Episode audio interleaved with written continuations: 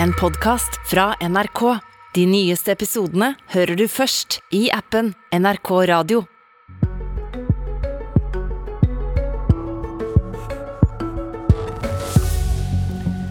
Miljøpartiet De Grønne skal finne balansen mellom å være tydelige og samarbeidsvillige. Mellom å forkynne at ei sak er viktigere enn alt annet, og å bredde ut partiet. Men hvis MDG ikke lenger skal være partiet som stiller knallhardt ultimatum på miljøsaker, er de ikke da bare nok et av mange lysegrønne parti? God morgen på landsmøtedagen, og velkommen til Politisk kvarter, MDG-leder Une Bastholm. Tusen takk for det. Vi skal snakke om hva MDG skal være, men la oss begynne i de dagsaktuelle og kritiske utfordringene. Med bakgrunn i den russiske invasjonen i Ukraina, kan EU komme til å avslutte import av russisk olje. I dagens situasjon har Equinor sagt at de jobber med å produsere så mye olje og gass de klarer det avhjelper Europas energikrise. Syns du det er bra at Norge tar ansvar på den måten nå? Ja, og vi støtter at eh, Norge skal være en stabil leverandør av gass eh, på kort sikt.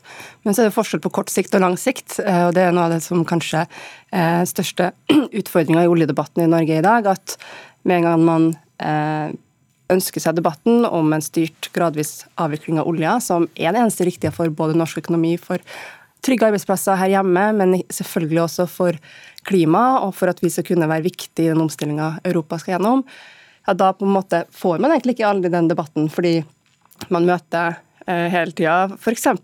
Eh, påstanden om at eh, man skal skru ned olja over natta, eller at oljearbeiderne er viktige nå, eller det er viktig å være en viktig gasseksportør i dag. Det, kan det være klokt å øke norsk produksjon og eksport? Ja, vi tenker at det kan være lurt. Eh, så vi støtter den beslutninga som nå gjøres, om å også ha en høyere gasseksport i sommer, f.eks., sånn at vi kan levere mer gass til Europa. Men det er veldig viktig at Norge tar inn over seg at vi, vi er først og fremst en energinasjon og en energieksportør.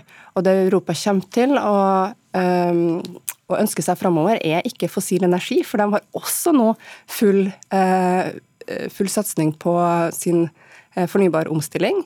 Og Tyskland eksempel, har satt mål om at det skjønner, det, all kraft skal være fornybar i 2035. Det skjønner jeg at du helst vil, men vil du også kunne gå med på at det er klokt å lete etter mer og produsere mer i Norge? Nei, og det, Nei, der, der er et stort skille i norsk politikk. Ja.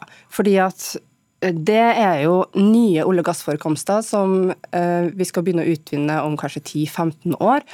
Eh, den situasjonen vi har akkurat nå, som handler om at Europa er avhengig av eh, diktatoren Putin, og selvfølgelig ønsker å bli uavhengig av han. Det betyr ikke at de ønsker å bli avhengig av en ny gasseksportør. De ønsker jo først og fremst å bli uavhengig selvfølgelig av andre land med sin fornybarsatsing, men også ha en rask omstilling nå til fornybart. fordi de står både i en energikrise og en klimakrise, akkurat som vi.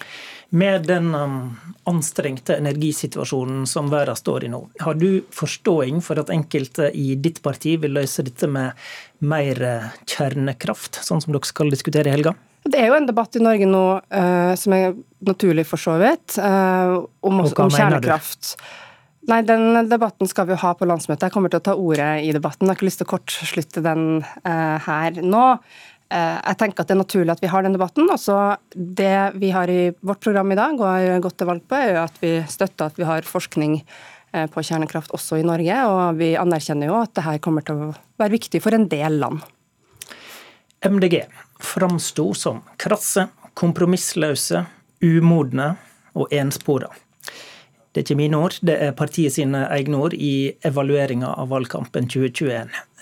Rapporten kritiserer også at dere stilte ultimatum om at det ikke skulle letes etter mer olje i Norge. Er tida for ultimate krav fra MDG forbi? Vårt hovedkrav eh, om å ikke støtte en regjering som åpner nye olje- og gassfelt, Eh, det kommer jo av at det er en faktisk tålegrense hos oss. altså Forskjellen på oss og noen andre partier i Norge at når vi har en sånn tålegrense, så sier vi det på forhånd. Eh, det er jo ikke noe vi satt av taktiske grunner.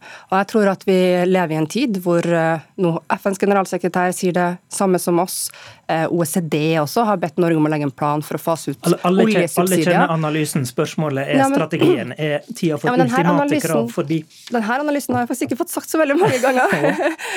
så, fordi framover så kommer det til å bli vanligere og vanligere og mene at det er helt absurd i vår tid å fortsette å lete etter mer fossil energi. Altså Verden holder på å omstille seg bort fra fossil energi.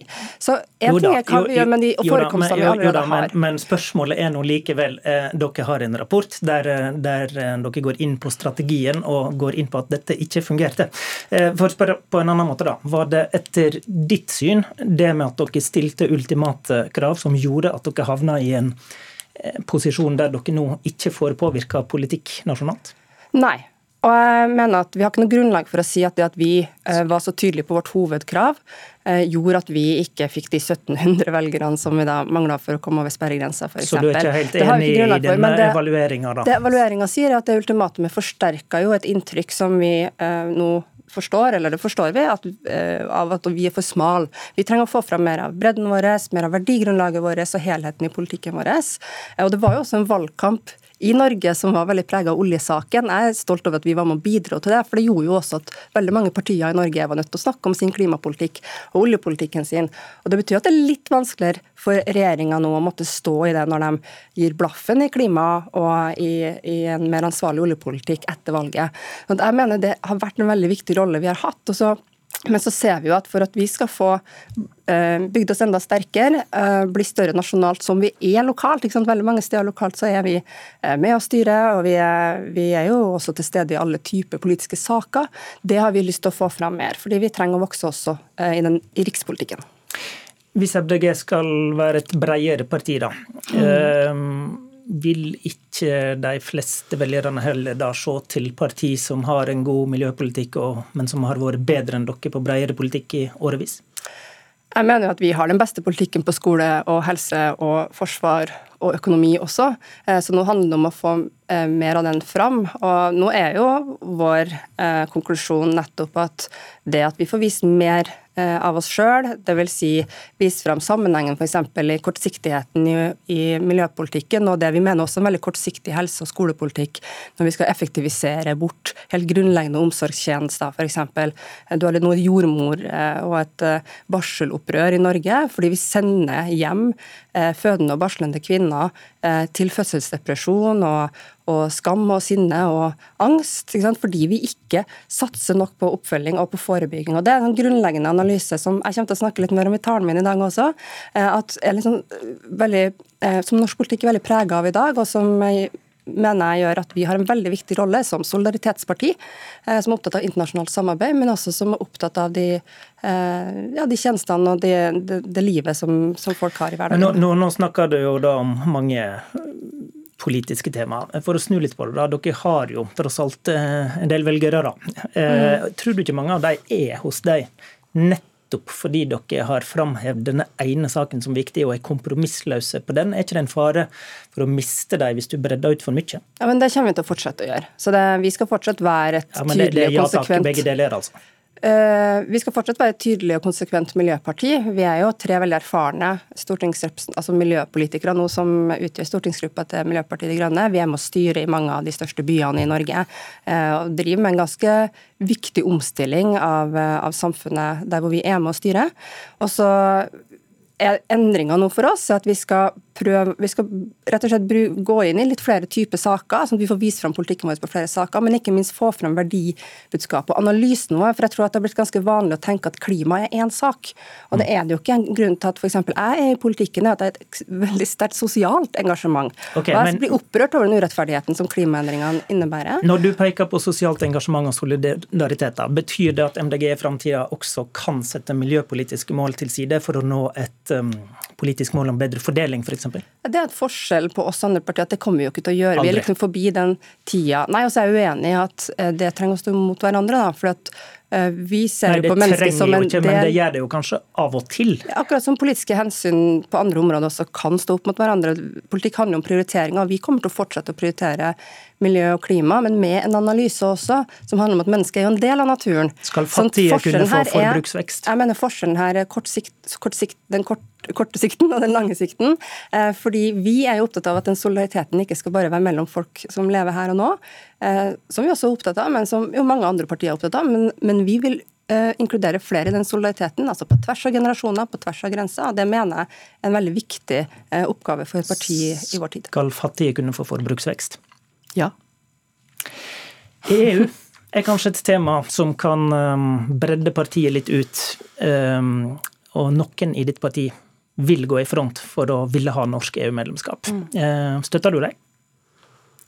Nå skal vi jo ha en eh, debatt om vi skal ha debatten på landsmøtet først. Um, det er jo Rasmus da høres det ikke ut som du er helt klar til å gå i front. Rasmus Hansson og Land Marie Berg, som har, som sammen med en del andre i partiet nå fremmer et forslag om å starte en sånn Eh, debatt i partiet. Vårt standpunkt i dag er jo at vi vil respektere en folkeavstemning.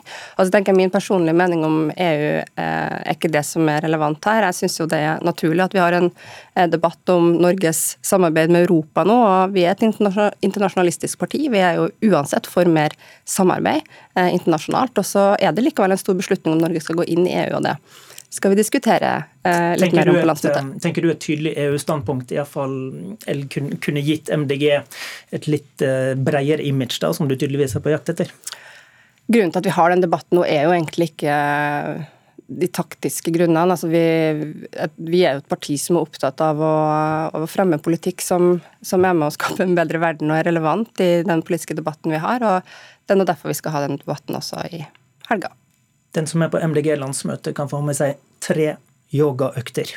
Er det en del av prosjektet med å gjøre MDG til et bredt folkeparti? Og ikke minst aerobic-time, som jeg skal holde. Med deg. Så det var ja.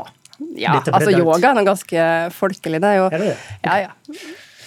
Spørs om Frp har andre synspunkt på det. Ja, men takk Frp er et annet parti. Eh, takk for at du kom hit, uh, Une Bastholm. Du taler klokka to i dag. Geir Ramnefjell, politisk redaktør i Dagbladet. Du har skrevet mye om miljøpolitikk. Hva krever en moderne miljøvelger? Nei, jeg tror at en moderne miljøvelger krever ikke bare protest og sette ting på dagsorden, men faktisk også ser at det er håp for, for gjennomslag. Fordi de som er opptatt av miljø, har vel kanskje sett at man har vært en, et, en protestbevegelse i 30 år, og ser at det begynner å haste med å få løst noen av de tingene man har stått og ropt om i lang tid. Har MDG vært for mye aktivistklubb? Eh, nei, altså, der ser man at De har jo hatt litt forskjell i gjennomslag. Da. Rundt omkring i byene så har de jo fått gjennomslag ved å være, være aktivistiske og være, være veldig tydelige og fått mye igjen for det. Eh, I Oslo f.eks. så eh, har jo de ligget stabilt høyt. og Der har jo Arbeiderpartiet vært litt ergerlig for at de har fått mindre gjennomslag eller fått mindre kreditt for den miljøpolitikken som de mener de selv også da har støttet. Men den samme, den samme, det samme gjennomslaget, den samme posisjonen, har ikke MDG klart å skaffe seg på nasjonalt plan. Eh, og der begynner det nå å haste. Hva skal til da for at de skal kunne komme i en relevant posisjon i nasjonal politikk? Nei, Der tror jeg de må legge en litt annen strategi enn det de har gjort til nå. Det så vi i forrige valgkamp, hvordan det slo ganske feil. Vi var inne på dette med oljekompromisset som dere snakket om, eh, snakket om eh, her. Eh, der hadde MDG da valgt side i denne valgkampen. De pekte på Støre som deres foretrukne statsministerkandidat, men Støre hadde jo lukka døra for dem. Og så lukket de på en måte døra til dem igjen ved å si at det ikke var aktuelt å støtte en regjering som ville ha oljeleting. Så de på en måte finta ut seg selv og ble opplevd som lite relevante. Dermed så har de skapt masse oppmerksomhet rundt seg selv. Det var masse oppmerksomhet rundt klima i valgkampen, men det var vanskelig å tro på at MDG var det som ville velge, eller det som ville vippe et politisk flertall eller avgjøre de retningsvalgene som ville komme etter valget. Vi var inne på EU helt på slutten her med Bastholm, og forrige uke hadde vi en EU-debatt her i studio mellom ulike røyster i partiet. Denne saka kommer opp i helga. Du mener det bor et potensial i EU-saka for MDG. Hvordan? Nei, altså, for det første så er det jo eh, ganske sterk støtte eh, blant MDGs egne velgere for å gå inn i, eh, i, EU. Vi hadde en meningsmåling som viste at MDG var det eneste partiet hvor det faktisk var flertall blant velgerne for å melde seg inn i, i EU. Og Dessuten så kan det være strategisk, strategisk lurt. Du har to, to, store politiske partiene, Arbeiderpartiet og Høyre, som på hver sin kant, da, hvis MDG skal være blokknøytrale, som vil kunne trenge eh, strategiske støttespillere eh, for eventuelle flertallskonstellasjoner framover. Hvis MDG eh, inntar et sånt en sånn posisjon, så kan de være attraktive som, som støttespillere. Så kan det også være en måte, måte å differensiere seg fra fra SV å skille seg ut og ta en tydeligere posisjon som grønt parti i Norge. Vi ser i helga hvor MDG havna i det spørsmålet der. Takk til Geir Amnefjell, takk til Une Bastholm, programleder i dag, Håvard Grønli.